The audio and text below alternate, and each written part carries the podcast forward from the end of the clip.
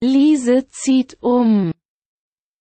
Es war einmal ein Mädchen namens Liese. Liese zog um und musste alle ihre Sachen packen und sich von all ihren Freunden verabschieden. Liese war sehr aufgeregt und wollte überhaupt nicht umziehen. Aber sie musste sich verabschieden, und der Umzugswagen fuhr weg. Liese hatte Angst vor dem neuen Haus, der neuen Schule und davor, neue Freunde zu treffen. Sie hatte auch Angst, dass sie ihre alten Freunde nicht wiedersehen würde. Aber als Liese ausgepackt hatte, ging sie zu einem Spielplatz, der in der Nähe ihres neuen Hauses lag. Dort traf Liese einige andere Kinder, die ebenfalls in der Nähe des Spielplatzes wohnten.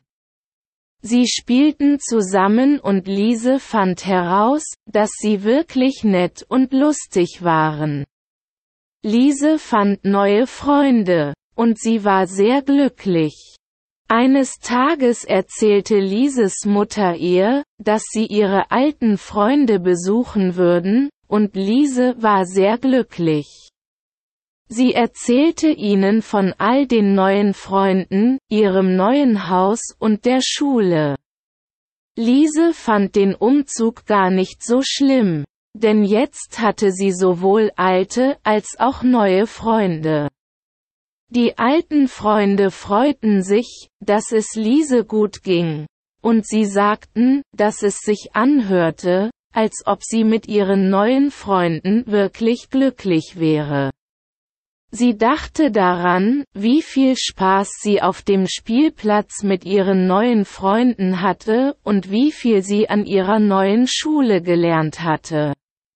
Nachdem sie ihre alten Freunde besucht hatte, ging Liese zurück in ihr neues Haus und sagte sich, dass sie jetzt zwei Zuhause hatte.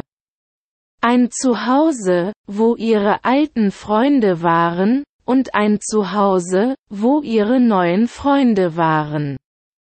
Und das war ein wirklich gutes Gefühl. Liese begann sich darauf zu freuen, ihre Zeit zwischen den beiden Häusern und ihren Freunden zu teilen. Sie dachte auch daran, wie aufregend es sein würde, noch mehr neue Freunde kennenzulernen und mehr von dem neuen Haus zu sehen. Es stellte sich heraus, dass der Umzug nicht so beängstigend war, wie Liese befürchtet hatte. Sie hatte neue Freunde gefunden und festgestellt, dass sie immer noch mit ihren alten Freunden reden konnte. Liese lernte, dass es in Ordnung ist, neue Dinge zu tun und neue Leute kennenzulernen, und dass das aufregend ist und Spaß macht.